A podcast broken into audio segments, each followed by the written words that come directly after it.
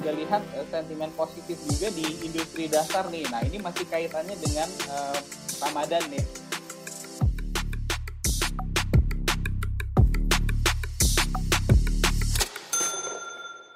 Halo, kita ketemu lagi di Market Movers, podcast kolaborasi KBR dan Kata Data yang khusus menghadirkan informasi dan panduan praktis buat kamu melihat bagaimana outlook market sepekan ke depan dan bagaimana strategi investasi serta apa rekomendasi saham terbaik pekan ini. Kita juga akan update isu apa saja yang sedang berkembang di bursa saham sehingga perlu jadi perhatian kamu. Bersama saya Ines Nirmala, langsung saja kita mulai update-nya. IHSG dibuka naik 0,18 persen di hari sebelumnya, tapi itu cuma sesaat karena sampai pukul 10 lebih 40 waktu Indonesia Barat, IHSG sempat turun 0,59 persen menjadi di level 5.980. Tampaknya situasi hari ini masih mengikuti perdagangan pekan lalu di mana IHSG terpantau lesu dan juga diwarnai aksi sell off dari investor asing yang memindahkan dananya ke instrumen yang lebih aman seperti misalnya obligasi. Kasus COVID-19 juga dinilai masih membahayakan perekonomian apalagi terjadi peningkatan kasus di beberapa negara di dunia terutama di India. Nah, bagaimana proyeksinya di pekan ini. Tentu aja kita pengen tahu ya, menjelang lebaran seperti apa situasi saham yang berpeluang kecipratan cuan. Dan sudah bersama kita ada Muhammad Wafi, analis dari Bahana Sekuritas. Halo Mas Wafi, apa kabar? Halo Mbak Ines, kabar baik nih Mbak. Sehat ya Mas ya? Iya, harus dong. Iya, senang sekali kita bisa berjumpa lagi dan kita ngobrol-ngobrol tentang outlook market untuk pekan ini. Iya, iya, walaupun memang hari Senin ini dibukanya masih merah ya. Nah, itu dia. Kan kita lihat Senin ini dibuka kayaknya agak lesu nih. Mungkin Mas Wafi mau nambahin dulu apa yang terjadi pada market di minggu kemarin. Ya, uh, jadi kalau kita lihat kan waktu hari Jumat ya IHSG itu tutup di level 6017. Mm -hmm. Itu kalau kita bandingkan dengan satu pekan sebelumnya itu IHSG itu turun sekitar 1,1 persen. Mm -hmm. Nah itu dari rata-rata transaksi juga kalau kita lihat kan selama sepekan itu transaksi hariannya juga ternyata uh, mengalami penurunan nih. Jadi rata-rata transaksi harian di rata-rata sekitar 7,7 triliun itu turun 9% dari rata-rata transaksi harian di pekan sebelumnya gitu. Jadi mm. uh, kelihatan memang uh, sepertinya investor ini masih uh, cenderung sepi nih ya di uh, pekan kemarin itu ya. Dan kalau kita lihat lagi dari data transaksi asing misalkan uh, ini asing ini di pekan kemarin juga net sale sekitar 1,1 triliun itu dengan saham yang paling banyak dijual asing itu hmm. uh, seperti TAPG uh, itu perusahaan uh, sawit ya produsen sawit yang baru iya. listing yeah. uh, Triputra Agro Kemudian ada Bank Mandiri, kodenya adalah BMRI dan Bank BR, Bank Rakyat Indonesia, kodenya BBRI. Sementara asing sendiri melakukan top uh, net buy itu di beberapa saham uh, big caps ini seperti Astra International, uh, ASII, kemudian ada Bank BCA, kodenya BBCA, dan Tower Bersama, kodenya TBIG. Mungkin itu uh, rekap uh, data statistik ya perdagangan di pekan kemarin ya. Iya, jadi memang uh, nilai transaksi rata-rata nilai transaksi harian itu juga turun dari pekan sebelumnya dan tadi Mas Wafi juga sudah menyebutkan saham apa saja yang top seller, top buyer. Nah, kalau berdasarkan analisa nih Mas Wafi, gimana prediksinya hmm. untuk sepekan ke depan? Sentimen apa saja yang bakal mempengaruhi bursa? Ya, uh, kalau dari sisi uh, sentimen sendiri ya, uh, memang untuk pekan ini bisa dibilang minim sentimen makro nih, Mbak. Jadi mm -hmm. uh, dari dalam maupun dari luar ini uh, sentimen makronya bisa dibilang belum ada jadwal yang uh, bisa membuat uh, signifikan ya dampaknya ke market ya. kan kalau di pekan kemarin kan sudah ada tuh uh, pengumuman BI rate ya. Iya. Uh, BI rate akhirnya diputuskan flat, uh, tapi ternyata ada sedikit uh, statementnya nih dari uh, BI yang kemudian direspon negatif. Apa itu? Uh, ternyata BI menurunkan uh, proyeksi GDP Indonesia nih, padahal mm. proyeksi GDP globalnya dinaikin. Nah, berarti itu uh, akhirnya direspon negatif kan akhirnya oleh market dan saya rasa itu masih uh, terus terdampak uh, di hari ini nih oh, di hari Senin ini. seperti itu ya. Betul betul. Nah, uh, dengan minimnya sentimen makro seperti yang disebutkan Mas Wafi tadi, kira-kira saham apa aja yang bakal menopang pergerakan indeks di pekan ini? Ya, uh, kalau dari sisi uh, sektoral sendiri ya, memang uh, kalau kita lihat uh, dari sisi sektor uh, perbankan ya walaupun hari ini sektor perbankan itu kan salah satu sektor yang uh, mengalami penurunan terdalam mm-hmm. nih dari antara sembilan sektor lainnya. Tapi kalau kita lihat sebenarnya sektor ini masih cukup uh, bagus ya, cukup uh, prospektif kalau kita lihat. Uh, memang tidak seluruh uh, saham bank ya yang uh, saya lihat masih cukup menarik, tapi beberapa mungkin saya bisa katakan tiga dari empat uh, bank besar itu masih cukup menarik secara mm -hmm. valuasinya. Mm -hmm. Kemudian uh, sektor berikutnya itu adalah sektor aneka industri ya. Aneka industri itu uh, yang paling besar bobotnya di situ adalah Astra Internasional Di mana kan kalau kita lihat di pekan kemarin Astra kan baru mengeluarkan laporan keuangan kuartal pertama 2021. Nah itu sinyalnya kalau kita lihat laporan keuangan ya, memang kelihatannya ada penurunan dibandingkan tahun sebelumnya. Tapi kalau kita lihat dari kuartal per kuartal, jadi di kuartal keempat 2020 dengan kuartal pertama 2021, itu sebenarnya sudah mulai ada tren recovery di situ. Jadi mm-hmm. uh, itu yang kemudian uh, saya lihat ini merupakan sinyal positif dan terbukti kalau kita lihat di dua hari terakhir ya hari Kamis dan hari Jumat itu saham Astra Internasional set, uh, setelah mereka melaporkan laporan keuangannya itu justru mengalami kenaikan. Jadi uh, saya rasa ini sentimen positifnya masih bisa berlanjut di pekan ini. Iya. Kemudian ada sektor apa hmm, lagi, Mas? Nah, selain sektor uh, aneka industri ya, uh, saya juga lihat uh, sentimen positif juga di industri dasar nih. Nah, ini masih kaitannya dengan uh, Ramadan ya, bulan yeah. puasa ya. Yeah. Industri dasar tuh karena isinya ada salah satunya adalah poultry atau uh, sektor ayam-ayaman ya. Iya, unggas ya. ya. Unggas ya. Di situ ada Cepin, ada Caroline Pokpan, kemudian ada Java Compete, kodenya JPFA, ya kemudian ada juga uh, Malindo kemudian yang baru listing kemarin kan ada WMUU ya mm-hmm. uh, dan selain sektor poultry juga sebenarnya yang ada di industri dasar itu juga ada sektor semen ya karena kalau kita lihat uh, ini uh, perlahan-lahan kan uh, ekonomi kita sudah mulai menuju ke arah uh, recovery nih ya walaupun yeah. masih pelan Nah, saya rasa ini dengan uh, momentum ini ini akan cukup positif nih ke sektor semen kan karena memang uh, mereka lagging ya. Jadi uh, kalau kita compare dengan valuasinya juga sebenarnya saham saham semen ini bisa kita katakan sudah under value. Jadi uh, ini cukup uh, positif juga nih sektor uh, semen.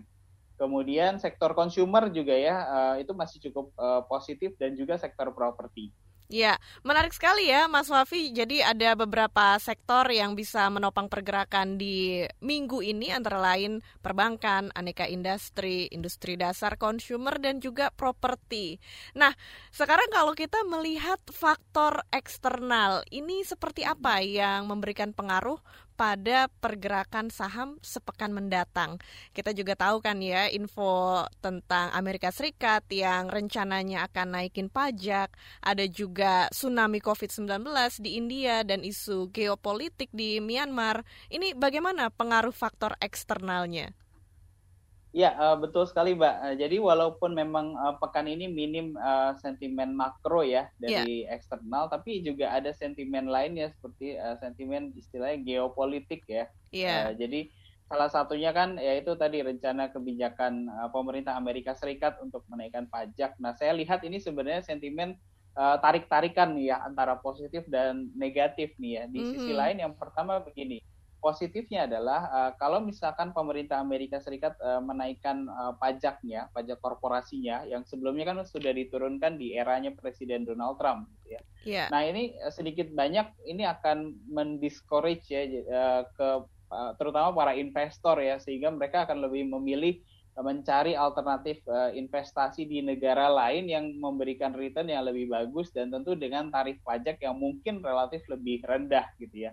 Salah satunya adalah ya tentu uh, emerging market gitu ya di seperti di ASEAN, Indonesia gitu ya, uh, kemudian Thailand, Filipina ya. Tapi di sisi lain adalah kalau kita lihat dengan rencana uh, pemerintah Amerika Serikat mena um, akan menaikkan pajaknya ini juga mengindikasikan sinyalemen bahwa ekonomi Amerika Serikat juga menuju ke arah yang lebih baik nih. Implikasinya apa?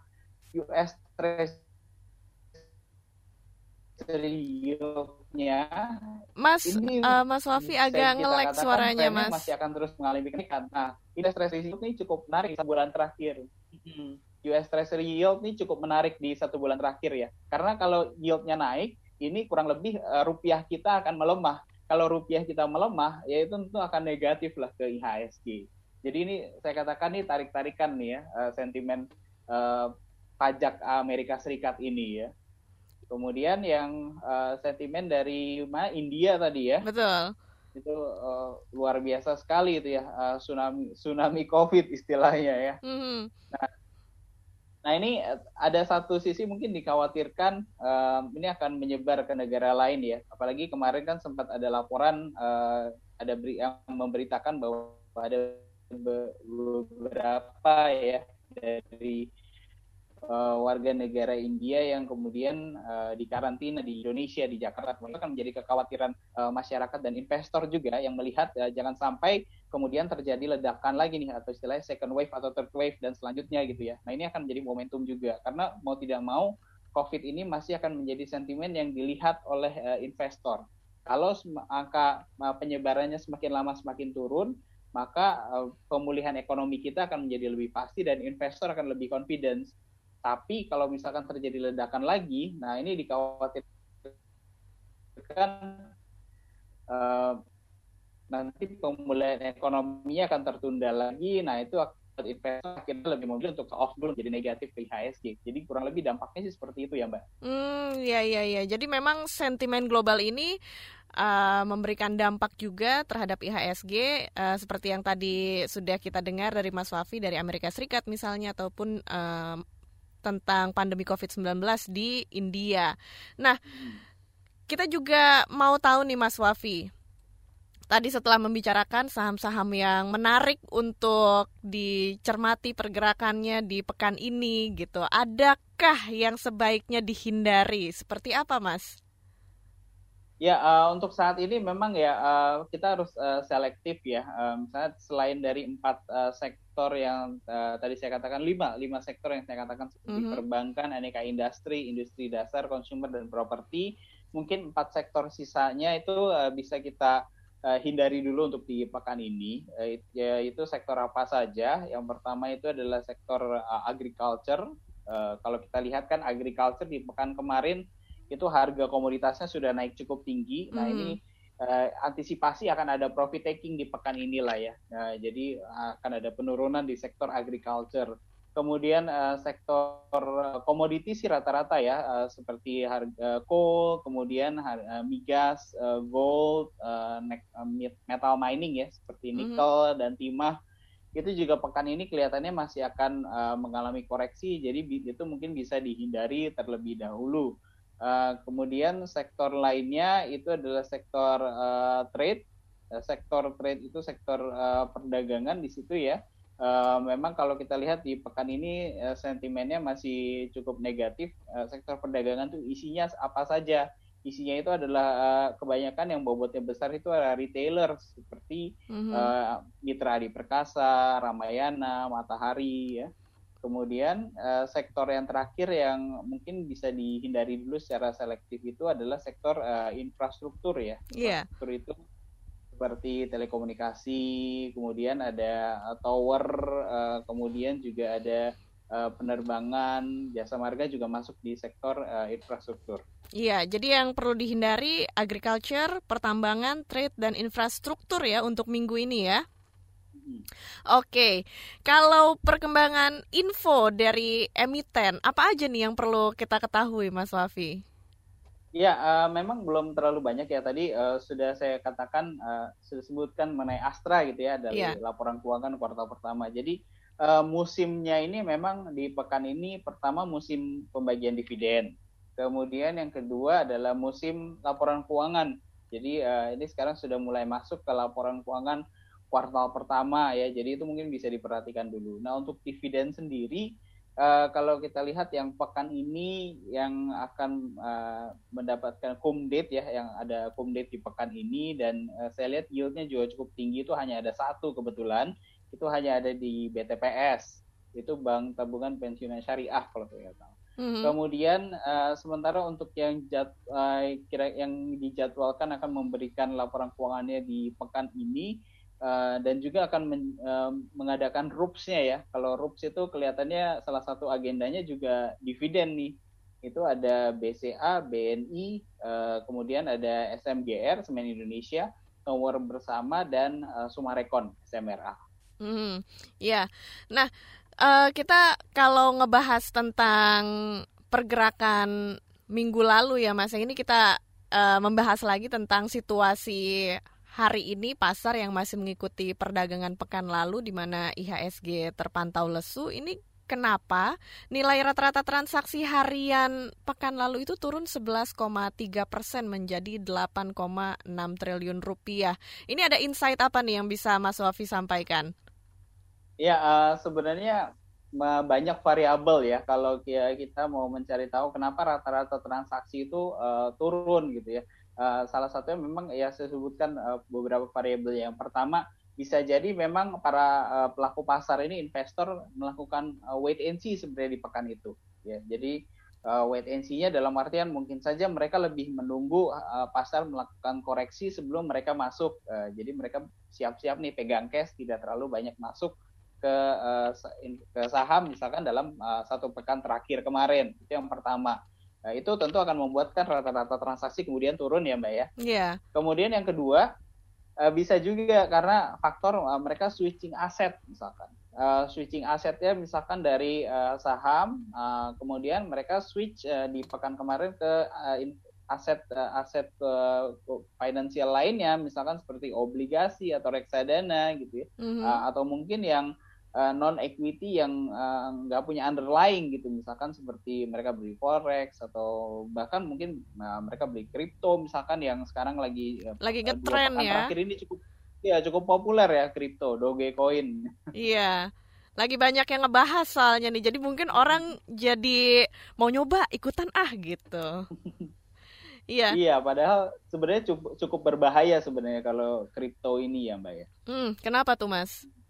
Iya, uh, karena yang pertama uh, satu itu mereka nggak punya underlying aset ya, uh, itu yang pertama. Beda dengan saham. Jadi kalau saham itu kan ada underlying asetnya, ada aset tetapnya jelas gitu ya. Mm. Kalau kita beli saham, uh, kita beli kepemilikan. Jadi uh, kita bisa mengklaim kepemilikan atas uh, perusahaan fisiknya ada. Gitu ya. Uh, kemudian kalau uh, sementara kalau kripto itu uh, itu tidak ada underlyingnya gitu. Itu hanya sebatas uh, transaksi sebenarnya sama saja dengan transaksi currency cuman ini digital currency sebenarnya. Jadi um, itu yang membuat kripto uh, itu sebenarnya nggak masuk ke bursa efek Indonesia gitu. Tapi kripto itu masuknya ke Bapepti gitu ya uh, bursa berjangka ya di mereka di bawah situ. Karena semua yang nggak punya underlying aset masuknya ke situ. Um, dan mereka juga masih tetap diawasi di uh, di bawah OJK sebenarnya ya. Dan iya. setahu saya memang belum belum ada regulasi khusus memang dari pemerintah kita mengenai uh, cryptocurrency ini ya. Uh, beda dengan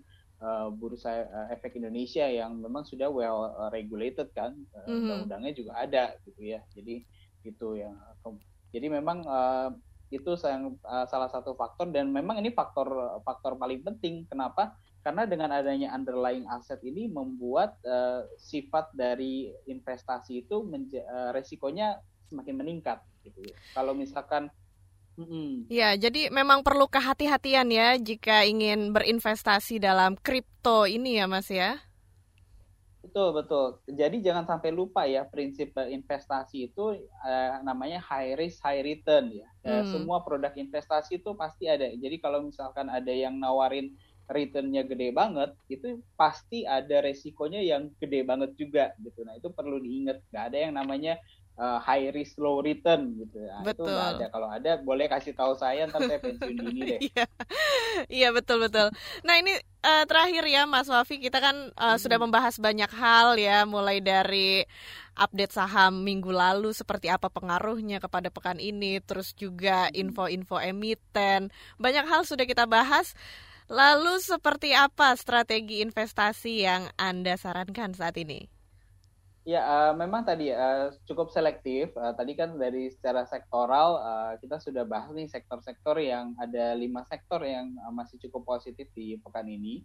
Kemudian dari sentimen juga uh, tadi kalau bagi para uh, investor yang mengejar dividen itu masih bisa mengejar uh, beberapa saham yang menjadwalkan ada kum dividen di di pekan ini dan juga ada beberapa emiten yang uh, akan mengadakan RUPS yang salah satu keputusan hasil dari RUPS-nya itu adalah soal pembagian dividen. Nah, itu itu bisa menjadi salah satu uh, alternatif uh, investasinya juga ya. Uh, kemudian yang berikutnya adalah uh, kalau tadi ya di empat sektor yang uh, bisa kita katakan cukup negatif di pekan ini uh, sebenarnya strateginya bukan berarti harus uh, kita hindari ya bagi investor yang memang view-nya mau disimpan sampai dengan sampai selesai lebaran itu beberapa sektor tersebut sebenarnya masih bisa uh, dilakukan akumulasi beli ketika terjadi penurunan. Karena balik lagi konsepnya kalau long term investor itu ketika terjadi penurunan itu mereka lihatnya oh ada diskon. Nah kalau diskon itu kan biasanya mereka cari yang murah gitu yeah. kan mereka kalau diskon pasti beli biasanya kan.